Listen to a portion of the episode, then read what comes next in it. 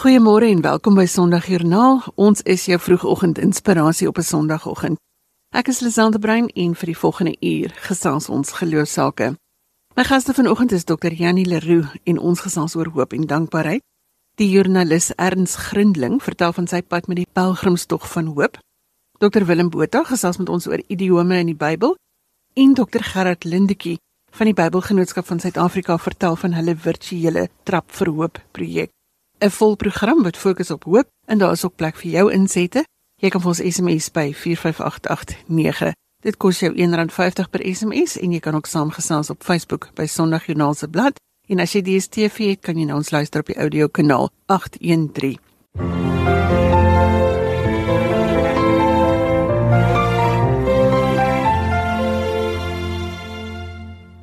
Dr. Janie Leroux van Somerset West. Janie, ons gesels vandag oor dankbaarheid en hoop as inspirasie. Jy is so dikwels in die posisie om ander mense te inspireer, maar vroeër die jaar was jy 'n tyd lank buite aksie na 'n rugoperasie. Watter effek het dit op jou dankbaarheid en hoop gehad so vanuit 'n persoonlike oogpunt? Dis al ek moet sê dit het nogal as 'n totale verrassing gekom en eintlik nie 'n aangename verrassing nie. Ek het aluseerde begin word net bo my regterheup en die volgende oggend toe staan ek met 'n lam regterbeen op. En natuurlik het ek eers gedink om dit kans te gee, maar toe raak die pyn te erg. En die erge pyn het eintlik my aandag afgetrek van my been wat nie effektief wou funksioneer nie. Die gevolg was toe nou operasie om my senuwee te bevry. Dit was 'n vreemde tipe situasie waarin ek dink baie mense hulle al bevind het of nog steeds bevind. En of dit nou met siekte of fisiese pyn te maak het, dit is daar's altyd 'n situasie in mense se lewe wat hulle ergens op 'n punt onkan vang. Maar mense kan ook en dit moet ons in hierdie tyd juis sê, pyn ervaar van die langdurige effek wat COVID-19, die variante, die grendeltyd reëlings en al daai goed op doodgewoon mense se verwagtinge, hulle hoop het. En ek moet bieg en hooplik sal die luisteraars ook saamstem. Mense aanvanklike reaksie as iets slegs gebeur is nie dankbaarheid nie. Jy hoop vir die mees basiese ding en dis om bevry te word van dit wat jou nou pyn gee. So dis hoekom mense dink ek sulke eienaardige irrasionele goed aanvang. Iets wat hulle normaalweg dalk nooit eens sou dink om te doen nie. Want die pyn is eenvoudig groter as die dankbaarheid en hoop. En dan wil jy hê daar moet 'n drastiese ingreep kom. Dis eers later wat ek gedink het aan die bekende fases van rou. Interessant sou dit ook die fases kan wees wat min of meer gebeur wanneer 'n mens verandering in jou lewe hanteer. Herinner ons net gou weer hoe hulle verloop? Die klassieke fases van die rouproses is gewoonlik ontkenning, woede, onderhandeling, hartseer of depressie en dan aanvaarding. David Kessler is een van die wêreld se kenners op die gebied van rousmart, grief. Dis skryf hy 'n nuwe boek wat 'n sesde fase van rousmart of die verwerking daarvan aandui. En daardie sesde fase is om betekenis te vind. So die kuns is om uiteindelik betekenis of sin te gee aan iets wat onaangenaam selfs met jou gebeur. Hy beweer ook dat ons antisipatoriese hartseer beleef. Dis die gevoel wat ons ervaar wanneer ons dink aan die toekoms en ons onseker is wat dit gaan inhou. En gewoonlik hou dit met die dood verband. Maar dis ook weier as dit. Dis die gevoel van verlies aan veiligheid. Nou nie net ek of jy as individue voel dit nie. Ons voel dit nou ook as mense saam. Dis 'n kollektiewe gevoel onder mense. En hierdie antisipatoriese hartseer is as dit nog meer ongesond word, eintlik angs. Is dit 'n illusie om te dink ons kan voortgaan met dankbaarheid en hoop? Moet ons nie nou nie maar net eers daarvan vergeet nie? Persoonlik dink ek dankbaarheid en hoop is juis wat nou en wat tussendeur moet gebeur. Kom ek vertel net van die aand in die ICU wat die saal gebeur het net na my operasie. Ek is laat aan nog wakker want ek het mos nou lekker geslaap onder narkose. Nou ek kan nie my medepasiënt sien nie, maar ek kan hom hoor. En so kom ek agter dat alles wat by hom moet gebeur, wat in en uitgaan, moet deur pype gebeur want hy moet en mag net op sy rug lê vir 'n paar dae. Nou wel, daar's altyd gesê tel jou seëninge en so begin dankbaarheid nommer 1. Ek het nie so baie moeilikheid soos hy nie en ek is baie dankbaar daarvoor. Nou in 'n stadium hier in die middel van die nag klaai vreeslik oor sy rug wat so seer en sensitief is vir al die lê. En die verpleegkundige vra hom ewe besorgd of hulle sy rug met iets kan insmeer. En so lig hulle hom nou versigtig op en hulle smeer en onmiddellik skree hy eina en 'n vloekwoord. So vir die volgende ruk is die proses hulle lig hom effens op, smeer, hy skree eina en vloek. Dis amper so asof dit 'n derde woord het herhaal hom aan mekaar en dan sê hy dankie totdat hulle toe nou uiteindelik klaar sy rug gesmeer het. Maar daar breek toe insig vir my deur. In intense pyn kan die streeling van salf en omgee dankbaarheid bring al vloek jy. Maar dis net 'n manier om uiting te gee aan die pyn terwyl jy self die hoop bring dat dit beter gaan voel en jy dankbaar is daarvoor. Die punt is waar jy nou is, kan jy seer hê, maar hoop en dankbaarheid kan ook daar wees en help verligting bring. Ek dink in die lewe is dit meestal nie of ofs nie. Dis baie meer en en. Dis 'n situasie van en seer en dankbaar en hoop wat die smeltkroes vorm wat suiwer goud voortbring. Ons weet hier's vandag luisteraars wat sukkel met onsekerheid en hartseer en seer. Op watter manier kan ons dit beter hanteer sodat ons tog met dankbaarheid en hoop kan leef? Ek wil graag die letter U gebruik om dit makliker te maak. So ek gaan 3 U's gee. Die een is identifiseer, die tweede is interpreteer en die derde een is dan intensie. Maar kom ons vat hulle net een vir een. Identifiseer. Daar vra jy vir jouself of wat is die verlies of pyn wat ek nou aan ervaar? Die regtige een.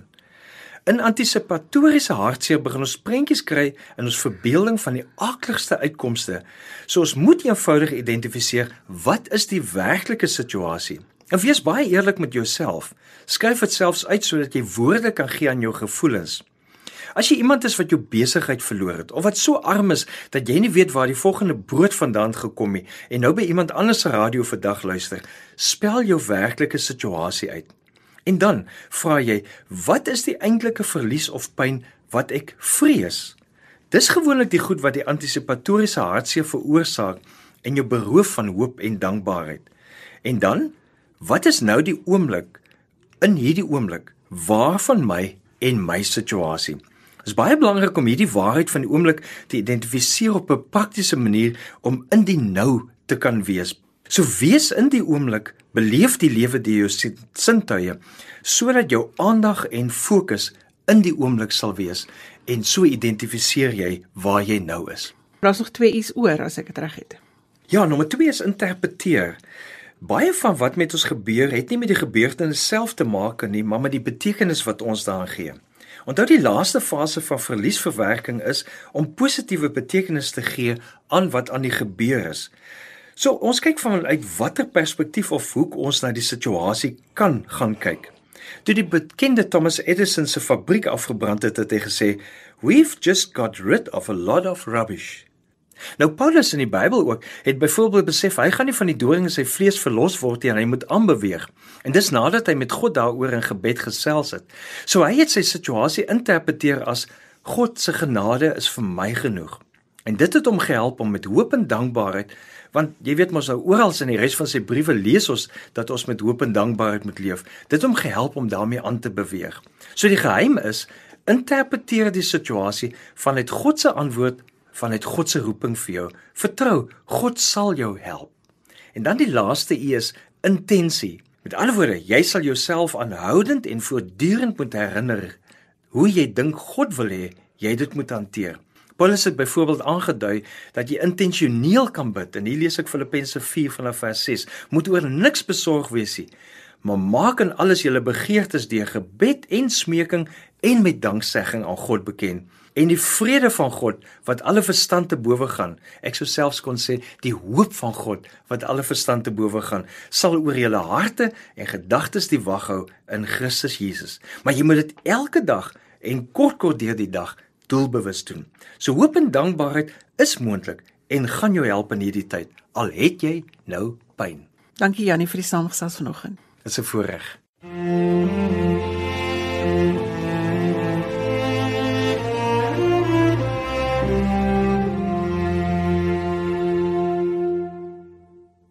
As jy sopas ingeskakel het, sê ons goeiemôre. Die programme Sondagjoernaal en ons praat oor geloof elke Sondagoggend hierdie tyd. Gister was Taaldag en daarom fokus ons saam met Dr Willem Botha van die WAT op 'n paar idiome uit die Bybel. Goeiemôre Willem. Goeiemôre Lisel. Daar is sommer heelwat Afrikaanse idiome wat hulle oorsprong in die Bybel het. En ek sluit graag aan by met een voet in die Bybel van Dominee Gert Janse van Rensburg wat onlangs verskyn het. Ons ken byvoorbeeld almal die uitdrukking om van almoses te lewe wat beteken dat iemand baie arm is en afhanklik is van gunste en gawes. Nou ons het die uitdrukking in Afrikaans uit die Nederlandse Bybel Bybelvertaling uh van Handelinge 3 vers 1 tot 8 geërf en ons het dit net so behou in die 1933 en 1953 vertaling. En Handelinge 3 lui soos volg: Op die 9de uur, die uur van gebed, was Petrus en Johannes na die tempel op pad. 'n Man verlam van sy geboorte af is daarin gedra. Hulle het hom elke dag neergesit by die tempelpoort, bekend as die mooi poort, om van die mense wat die tempel binne gaan om 'n almoes te vra. Toe hy sien dat Petrus en Johannes op die punt was om die tempel binne te gaan, het hy 'n almoes gevra. En dan slaan ek so twee verse oor. Maar Petrus het gesê: "Silwer en goud het ek nie, maar wat ek het, dit gee ek vir jou. In die naam van Jesus Christus van Nasaret, staan op en loop." Hy het hom aan sy regterhand gegryp en opgehelp. Onmiddellik het sy voete en enkels sterk geword. Hy het opgespring, regop bly staan, rondgestap en toe saam met hulle die tempel binnegaan terwyl hy loop en spring en God prys. Nou baie interessant in die 1983 vertaling word om 'n almoes vra verander na bedel en silwer en goud word net geld. Ek is seker ons onthou nog almal het ons kinderdae of vir studente daar die liedjie silwer en goud het ek nie maar dit wat ek het bied ek u. En dit kom natuurlik ook hier vandaan. Nou in die jongste Bybelvertaling is ons terug by die oorspronklike almoses vra en silwer en goud het ek nie. Nou indien jy nog nie die jongste vertaling van die Bybel besit nie kry dit gerus. Dit is baie interessant om te sien hoe ons soms terugkeer na die oorspronklike vertaling van 1933 en hoe daar in ander gevalle iets baie insiggewends en nuuts na vore kom. Elke idioom in met een voet in die Bybel word eintlik 'n stukkie Bybelstudie. Ek haal aan uit die inskrywing by om van almoses te leef in met een voet in die Bybel. Die woord almoes gee die Griekse woord wat die gedagte van medelee insluit meer korrek weer as net bedel.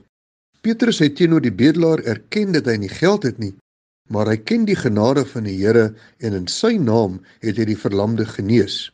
In die vroeë kerk was die versorging van arm lidmate met almoses 'n algemene gebruik en het dit die Here se goedkeuring weggedra.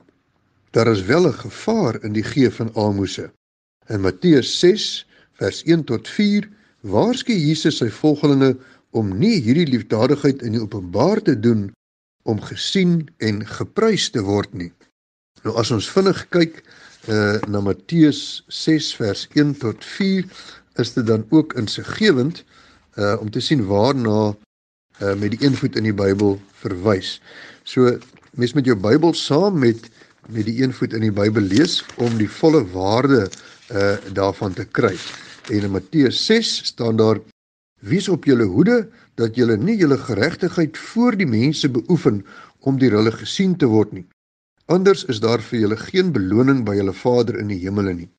Wanneer jy liefdadigheid beoefen, moet dit nie uitbasyn soos die skynheiliges in die sinagoges en in die strate nie, sodat hulle deur mense geëer kan word nie. Ek sê vir julle, hulle het reeds hulle volle beloning weg. Maar wanneer jy liefdadigheid beoefen, moet jou linkerhand nie weet wat jou regterhand doen nie, sodat jou liefdesdade verborge kan bly en jou Vader wat sien wat verborge is, jou sal beloon. En dit bring ons ook sommer by nog 'n idioom uit die Bybel, naamlik laat jou linkerhand nie weet wat jou regterhand doen nie. Met ander woorde, moenie jou goeie dade aan die groot klok hang nie. Wanneer navolgers van Jesus iets goeds doen, moet hulle daaroor swyg en nie daarmee te koop loop en oral rond uitbesyn nie. Hulle doen dit immers nie om deur mense gesien of geprys te word nie. Hulle Vader sien dit wel aldus met die een voet in die Bybel. En dit bring ons dan sommer by nog 'n definisie of nog 'n idioom, naamlik iets links laat lê met die betekenis glad nie daarvan notisie neem nie, uh iets of iemand veronagsaam, tydelik dan nou miskien ignoreer, verwaarloos. En dan vir die verklaring hiervoor verwys met die een voet in die Bybel ons na Anton Prinsloo se uitdrukkings en waar hulle vandaan kom. En 'n mens moet eintlik maar die Bybel uh, met een voet in die Bybel en spreekwoorde en waar hulle vandaan kom van Anton Prinsloo saam lees om die volle prentjie te kry. Nou Prinsloo skryf op bladsy 275 in sy boek Die woord links het talle eeue lank 'n ongunstige betekenis gehad terwyl regs gunstig was. Om iemand dus links te laat lê was om hom of haar sleg te behandel omdat dit die kant was van waar die ongeluk dan sou kom. En hierop brei met die een voet in die Bybel nog verder uit deur te sê in die Prediker lees ons die hart van die wyse is na regs, maar die hart van 'n dwaas is na links. En dis uit Prediker 10 vers 2. Op die oordeelsdag sal die Here sy skape, die uitverkorenes, regs van hom laat staan en hulle innooi in sy ewige heerlikheid, maar die bokke links van hom plaas en hulle wegstuur na die ewige verderf. Nou hierby kom dan ook nog o die uitdrukking om iemand se regterhand te wees. Nou om iemand se regterhand te wees beteken om die onmisbare een te wees, die steunpilaar, die betroubaarste een. En in die Bybel is die regterhand die belangrikste en die posisie van gesag soos die seun aan die regterhand van God is. En dit sien ons In Efesiërs is daar 'n baie mooi beskrywing daarvan in Efesiërs 1 vers 19 en 20 staan daar God se groot krag op ons wat glo. Die krag het hy in Christus uitgeoefen toe hy hom uit die dode opgewek het en hom laat sit het aan sy regterhand in die hemel bo elke owerheid en alle gesag en mag en as heerser. Ja, bo enige iemand of enige iets nie alleen in hierdie bedeling nie, maar ook in die toekomstige. En dan gaan met een voet in die Bybel voort. 'n Mens se regterkant is oop. Dit kan nie deur is die skild in 'n soldaat se linkerhand beskerm word nie. Nou dis 'n beeld uit die Bybel van die soldaat met die skild in die linkerhand. So beskerm hy sy linkerkant, maar sy regterkant is oop. En daarom het jy 'n betroubare ondersteuner aan jou regterkant nodig.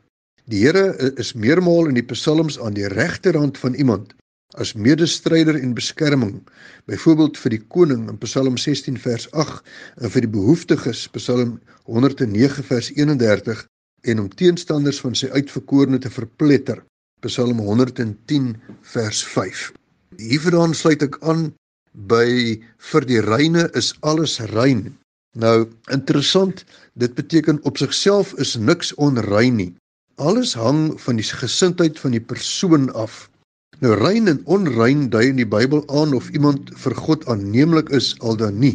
Nou daar was in die Ou Testament talle reinigingsgebruike wat gedurig eers uitgevoer moes word voordat iemand aan godsdienstige aktiwiteite kon deelneem. Nou Jesus en Paulus moes gedurig die Fariseërs se oordrewe toepassing van die rituele reinigingswette teenstaan en herinner dat die ware reinheid of onreinheid in die mens self geleë is En dit sien ons in Titus 1 vers 15. In Titus 1 vers 15 staan daar: Alles is rein vir die wat rein is, maar vir die besoedeldes en ongelowiges is niks rein nie, sowel hul denke as hulle gewete is besoedel. En in die finale instansie is die bloed van Christus wat jou reinig van alle geestelike onreinheid. So wat rein of onrein is is nie meer ter sprake in die Nuwe Testament nie. Nou eienaardig genoeg of interessant genoeg het Shakespeare 'n soortgelyke uitspraak gemaak. Hy het gesê nothing is good or bad but thinking makes it so. Dr Willem Botha staan aan die stuur by die Woordeboek van die Afrikaanse taal as hoofredakteur en as uitvoerende direkteur. Mm.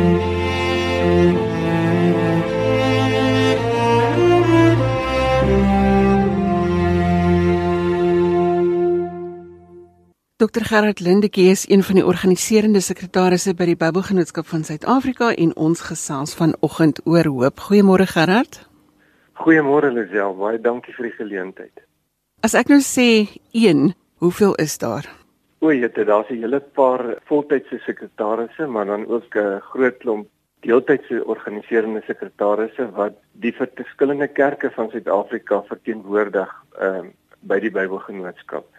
So dit is ons voorreg om dan namens die kerke ook so betrokke te wees by die Bybelgenootskap van Suid-Afrika. Hoop is iets wat ons almal nou nodig het.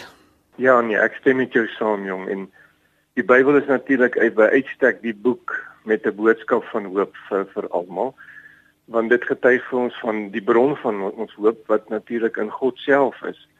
God se genade en liefde en vergifnis en sorg is dink ek iets wat ons almal 'n groot behoefte aan het in in hierdie moeilike tye waarin ons op die oomblik is.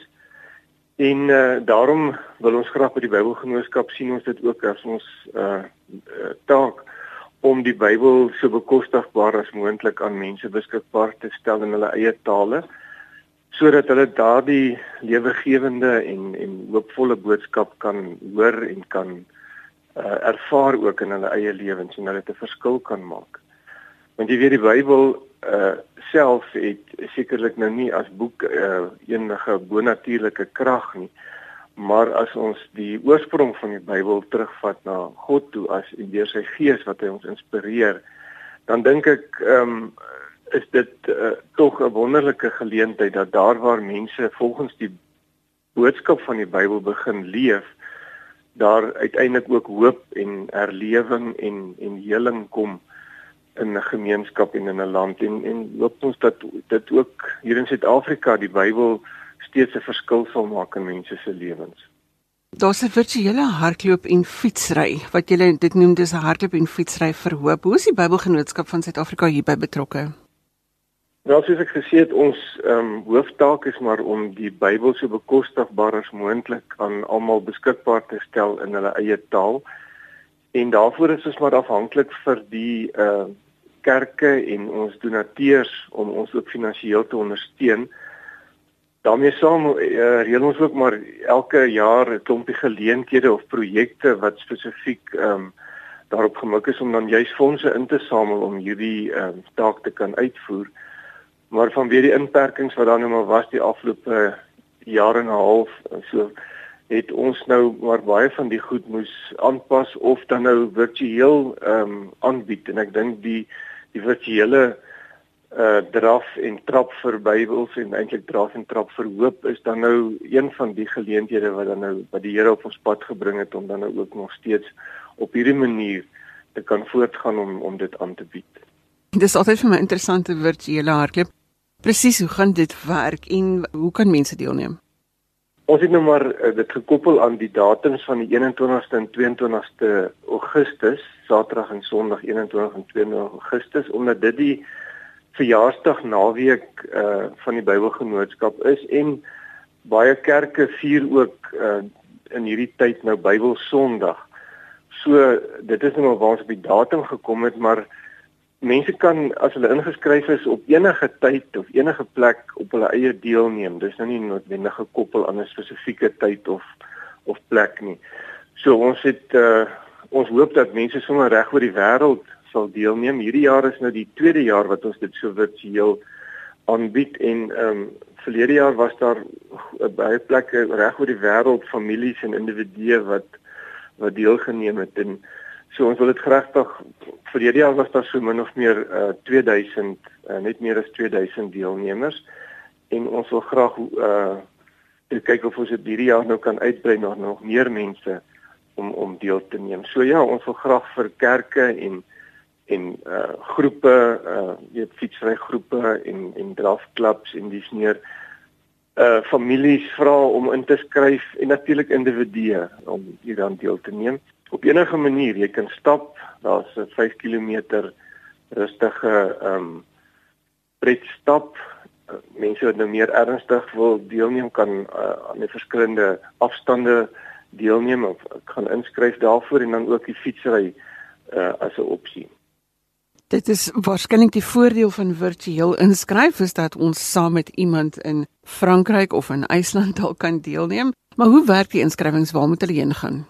Die inskrywings uh, uh, geld beloop R50 vir die pret stap, die 5 km en dan R100 vir die, al die ander afstande, enigeen van die ander afstande. Ehm um, en 'n uh, mens kan inskryf deur uh, dit uh, te doen op die inskrywingsplatform van Modern Athlete. Mense kan maar net gaan soek na Modern Athlete en en daar is die inskrywingsplatform waar jy dit dan sal kan doen. Alternatiefelik kan uh, mense wat uh, graag wil as groepe inskryf ook 'n e-pos stuur en en ek gaan sommer nou die e-posadres ook gee. Dit is malan soos die van malan@biblesociety.co.za of ehm um, mense wat dan graag 'n bietjie meer inligting wil hê kan uh, my persoonlik skakel um, my ehm uh, selfoonnommer is 082 3748 8703. En ek wil net sê dat vir elke R50 ja wat uh, mense mee inskryf, kan ons dan nou een Bybel subsidieer om dit bekostigbaar beskikbaar te stel vir vir mense wat in die graag die Bybel wil bekom. Is dit nou sommer 'n inspirasie vir mense om deel te wees van hierdie virtuele hoop, is die verspreiding van Bybels? Ja, dit is tog ons hoof uh doelwit van die hele geleentheid om soveel as moontlik Bybels um bekostigbaar beskikbaar te kan stel. Verlede jaar kon ons vanuit verlede jaar se inskrywings uh oor die 4000 Bybels en Bybelgedeeltes uh beskikbaar stel. So ons uh wil dit graag aanmoedig. Jy weet in die Bybelse tyd, die Bybel is vol voorbeelde van mense wat uh in beweging was met met uh 'n boodskap van hoop. Ek ek dink die Israeliete se tog deur die woestyn na die beloofde land toe. Ek dink aan Jesus se disippels wat van dorp tot dorp saam met hom geloop het en die blye boodskap gebring het. Um aan die disippels wat na sy na sy graf toe gehardloop het en die vroue wat teruggehardloop het met die goeie nuus dat hy opgestaan het. Paulus se sendingreise, ehm um, daar's soveel voorbeelde. Ek weet nie hoe sy fietsryers gaan uh betrek by 'n Bybelse beeld nie, maar dalk maar dink aan die donkies of die kamele waarop die ouens gery het in die in die Bybelse tyd. So ja, ons wil graag regtig met hierdie ehm um, projek 'n boodskap van hoop, nie net 'n boodskap nie, maar 'n beweging van hoop ook in ons land ehm um, motiveer om om aan deel te neem en en sodoende ook ehm um, met die boodskap van hoop deur ons land te trek. Gerard, net vir ons weer die besonderhede gee waar mense kan inskryf. Waarvoor is jy dankbaar in die lewe? Jong, so baie dinge. Ehm um, die Here het my lewe so 2 jaar terug gespaar nadat ek 'n in 'n ernstige uh, situasie betrokke was waar my lewe aan 'n draadjie gehang het. So dit is een van die groot dinge wat ek altyd sal onthou en baie dankbaar is. Maar weet jy nou, meer onlangs verlede week het 'n uh, eh, um ehm, besoeker van Pakistan daar by die Bybelgenootskap in Kempton Park by ons kantore draai gemaak, so wat daar sendingwerk doen. En hy het vir ons net weer vertel hoe moeilik is dit om Bybels in die hande te kry en om dit daar te kan versprei en 'n mens het net weer diep onder die indruk gekom van hoe kosbaar die Bybel tog is en en en en hoe dankbaar ons kan wees dat ons Bybels het en dat ons dit vir mense kan gee uh, en dat dit in al die tale van ons land uh, beskikbaar is en en uh, dat ons dit op 'n redelik bekostigbare manier kan beskikbaar stel. So Ja, dit het my net weer laat besef, jy weet, ons moet dit nooit as vanselfsprekend aanvaar dat 'n mens sommer net 'n Bybel het nie. Ehm um, daar's baie mense ook in ons eie land wat nog nie hulle eie Bybels het nie. En so gesels Dr Gerard Lindetjie, ek gaan net weer daar 'n e-posadres gee waar jy kan inskryf of besonderhede kry vir die virtuele hardloop of fietsry van hoop. Dit is Malan by biblesociety.co.za of jy kan vir Dr Lindetjie skakel by 082 3748703 en al daardie besonderhede sal op Sondagjoernaal se Facebookblad wees ook op RSG se webwerf. Gerard baie dankie vir die samestelling vanoggend. Baie dankie, ek waardeer. Ek wil jou uitdaag om vandag kontak te maak met iemand. Ons is so geneig om vasgevang te word in ons eie situasies, maar iewers is daar iemand vir wie jy 'n boodskap kan stuur vanoggend. Sommige net ek dink aan jou of 'n heel lekker dag. Dink net aan die glimlag wat jy op iemand se gesig kan sit as jy vanoggend besluit om iemand te verras met 'n dankie. Sommige 'n blommetjie uit jou tuin uit of 'n telefoonoproep. Ek is seker jy kan iemand vandag laat spesiaal voel. Doen dit sommer nou. Stuur daai boodskap.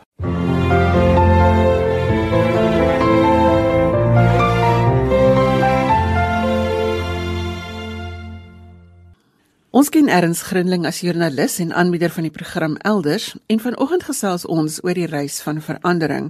Ons is almal op pad iewers heen en op hierdie reis groei ons en ons verander. Goeiemôre Erns. Hallo Lisel, lekker om te gesels. Jou geskiedenis as joernalis tot by aanbieder van Elders. Jy was nie altyd 'n stapper van formaat nie. Nee Lisel, weet jy, ek het um, aanvanklik as joernalis gewerk eers by uh koerant die burger Ooskaap en later in die tydskrif wêreld by insig en huisgenoot. En toe verlang by die reistydskrif weg waar ek um, eintlik toe nou al 'n voorsmaakie van stap begin kry het. En dit was meer sê maar 50 meerdaagse staproetes soos die Fisherville Canyon of die Otter. En dit was eintlik eers in 2015 toe ek alleen 'n pelgrimstog gaan stap by die bekende Camino in Spanje, uh, waar ek vir 40 dae lank gaan stap het, uh, meer as 1000 km en werklik ehm um, weet begin besef het hoe betekenisvol en waardevol ehm um, spesifiek 'n pelgrimstog kan wees. Ehm um, sedertdien ehm um, het ek nog nie ophou stap weer nie. so hoe het dit gekom dat jy jou eerste Camino in Spanje gaan stap het? Weet jy, ek het nogal juis gegaan om nie 'n storie te gaan skryf vir 'n tydskrif of eers 'n boek was ook nie eers toe in my gedagtes nie. Ehm um, dit was 'n 'n moeilike tyd in my lewe, 'n tyd van ehm um, hartseer en depressie en ek het ook nie mooi na myself gekyk nie. Ek was baie oorgewig en ongesond en ek het 'n besering ook gehad. My knie was nie lekker nie. En ek het net gevoel ek moet iets doen. En toe het ek myself nou begeef op hierdie pelgrimstog alleen in Spanje.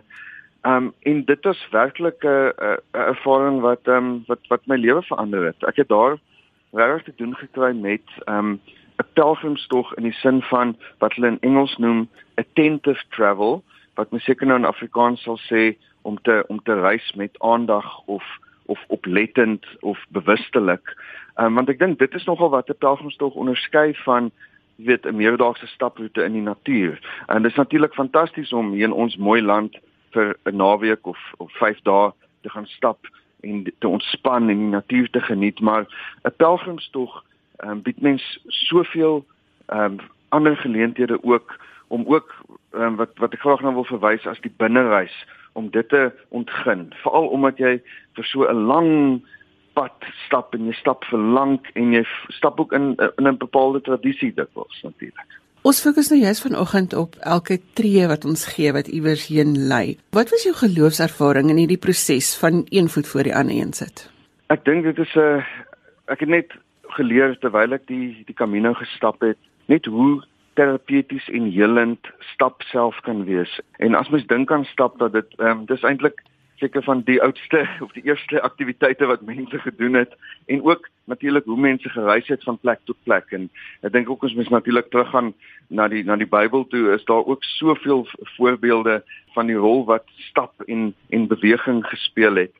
En ek het ek het werklik gevind dat mens 'n tipe ritme vorm. Dit dit word amper 'n tipe van 'n wil amper sê 'n meditasie, so wandelende meditasie hoe jy so kan stap met jou eie gedagtes en soms selfs sonder gedagtes. waar jy kan van plek tot plek, van dorp tot dorp gaan. En ek dink ook kyk die die Camino in Spanje is natuurlik um, sterk gevestig in die in die in die in die Christelike tradisie dit um, natuurlik begin met die by die Katolieke Kerk. Maar as jy nou so stap van van dorp tot dorp en jy later is die is die kerkklokke dit het my horlosie geraak um, want ek het nie 'n horlosie saam met my gedra nie. So wanneer die kerkklokke lui en hy slaan 10 slae dan weet ek o, okay nee, nou is dit nou is dit 10 uur.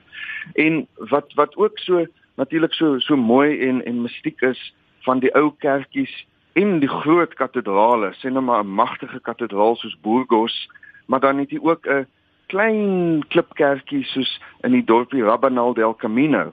En daar's allerlei geleenthede op 'n staptog soos die Camino om oomblikke te gaan hê van van stil word, van van besinning of jy nou 'n mooi ehm um, Vespersdiens bywoon waar 'n paar monnike vir jou sing, jy sing sommer saam of ehm um, waar jy net in 'n klein kerkie gaan sit en en in 'n bietjie stil raak. Ehm um, dit is alles van die tipe ervarings wat 'n uh, pelgrimstog bied, ehm um, wat dit nogal baie ehm um, spesiaal maak. Waarvoor is jy dankbaar in die lewe erns? Ek is geweldig dankbaar dat ek uit stap uit 'n uh, 'n manier kon vind om om self ook heling te kon kry en betekenis te kan vind maar dat dit selfs in die afgelope paar jaar soveel verder kon uitgekring het dat ek met die skryf oor die Camino wat toe nou uitgevloei het na die televisiereeks elders die geleentheid kan kry om om hierdie inspirasie wat ek put uitstap te kan deel met groter gehoor. Ehm um, dit gee vir my die grootste bevrediging wanneer iemand byvoorbeeld uh, die vorige seisoen van elders die pelgrimstog van hoop wat natuurlik ons eie uh, pelgrimstog baie soortgelyk aan die Camino is hier in die Wes-Kaap dat iemand daardie reeks gekyk het byvoorbeeld en vir my laat weet hulle dit nou so geniet hulle gaan nou self stap hulle begin by Stellenbosch en hulle stap nou oor 16 dae na Kaapagullas toe um, en om dan te hoor uh, en die terugvoer te kry dat dit dit vir hulle ook 'n baie betekenisvolle ervaring was met mooi oomblikke van van stilte en mooi seremonies langs die pad. Ehm um, ek dink nie mens kan vir meer as dit vra in die lewe om om om iets te kan doen wat wat jou eie lewe verryk maar jou ook die geleentheid kan gee om dit te kan deel met ander. Jy het vertel van jou eerste roete waar jy deur 'n proses gegaan het van om jouself net neer te lê. Wat gee vir jou hoop as jy so op hierdie roetes besig is met jou eie gedagtes? Wat vir my hoop gee Lisel is meestal die die ander mense wat ek ontmoet wanneer ek so 'n pelgrimstog aanpak. En dit sluit almal in van die medestappers tot die mense wat jou ontvang die gasheer die gasvrou. Uh, ek ek besef net hoe ons almal eintlik onlosmaaklik aan mekaar verbind is. En 'n pelgrimstog of dit nou in Spanje is of dit hierso in die Kaap en in die Oeverberg is en of dit daar in die Suid-Kaap is waar daar ook nou 'n interessante verdere uitbreiding van die pelgrimstog van hoop is um, is dit werklik iets wat vir my aanhou hoop gee om die welwillendheid van medestappers en mense op die roete te kan ervaar. Vertel gou vir ons van die nuutste roete waarop jy was. Lisel, ek het 'n paar weke gelede uh saam met 'n paar uh vriende en en en kollegas in die in in in die in pelgrimstogte gaan stap daar in die Suid-Kaap op 'n baie opwindende nuwe uitbreiding van die pelgrimstog van hoop. En dit is 'n roete van Uniondale uh daar in die nog amper van die Karoo dele en die Boland Kloof tot via die tuinroete tot by Mosselbaai waar jy by die vuurtoring uh, daar eindig en dit is so wat 260 km en ek is baie opgewonde oor die potensiaal van daardie roete want net soos met 'n 'n pelgrimstog wat mens elders kan aantref is daar ook 'n 'n tradisie en en waar jy stap eintlik deur van die oudste kerke in die omgewing. Ek dink die Herald gemeente alleen het omtrent 7 kerke in hulle buitewyke waar mens dan ook kan verbystap en bietjie inloer en bietjie stil word. En natuurlik die die natuur skoon is onverbeterlik. Ehm um, en om nie te praat van die wonderlike gasvrou wat mens daar in die plase en in die dorpies kry. Al die pad van die Boland Kloof dwars deur Grootbrak, Kleinbrak tot in Mosselbaai. So ja, ek is ek is baie opgewonde dat daar um, nou 'n nuwe belangstelling ook onder Suid-Afrikaners is, veral in hierdie tyd van pandemie en inperking om meer te stap en ook ons eie pelgrimstogte op plaaslike vlakte te ondersteun en te ervaar. En so gesels Erns Grinling, hy is joernalis en skrywer en aanbieder van die program Elders. Erns baie dankie vir die saamgesels vanoggend. En al die inligting waaroor Erns gesels het van die Pelgrimstog van Hoop wat hier in die Weskaap beskikbaar is, is op ons Facebookblad, maar dit is ook op die Pelgrimstog van Hoop se Facebookblad. Jy sal alles daar kry. Mm -hmm.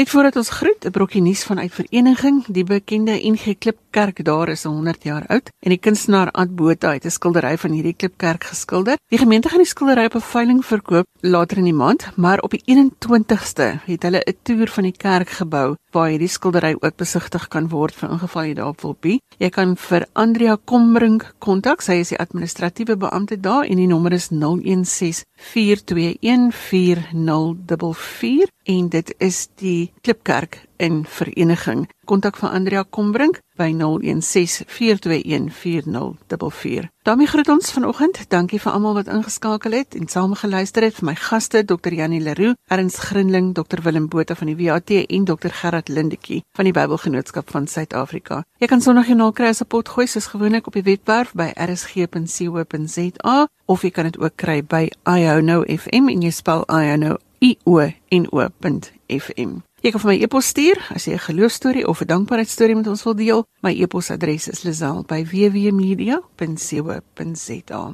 Jy kan my ook kry op Instagram of Facebook by lazel.inspirasie. Ons sluit af met die herinnering dat jou glimlag iemand se wêreld kan verander en as jy nou nog nie daai boodskap gestuur het nie, doen dit sommer dadelik. Moenie skaam wees om jou glimlag te gebruik nie. Tot volgende Sondag van my Lazel de Bruin. Totsiens.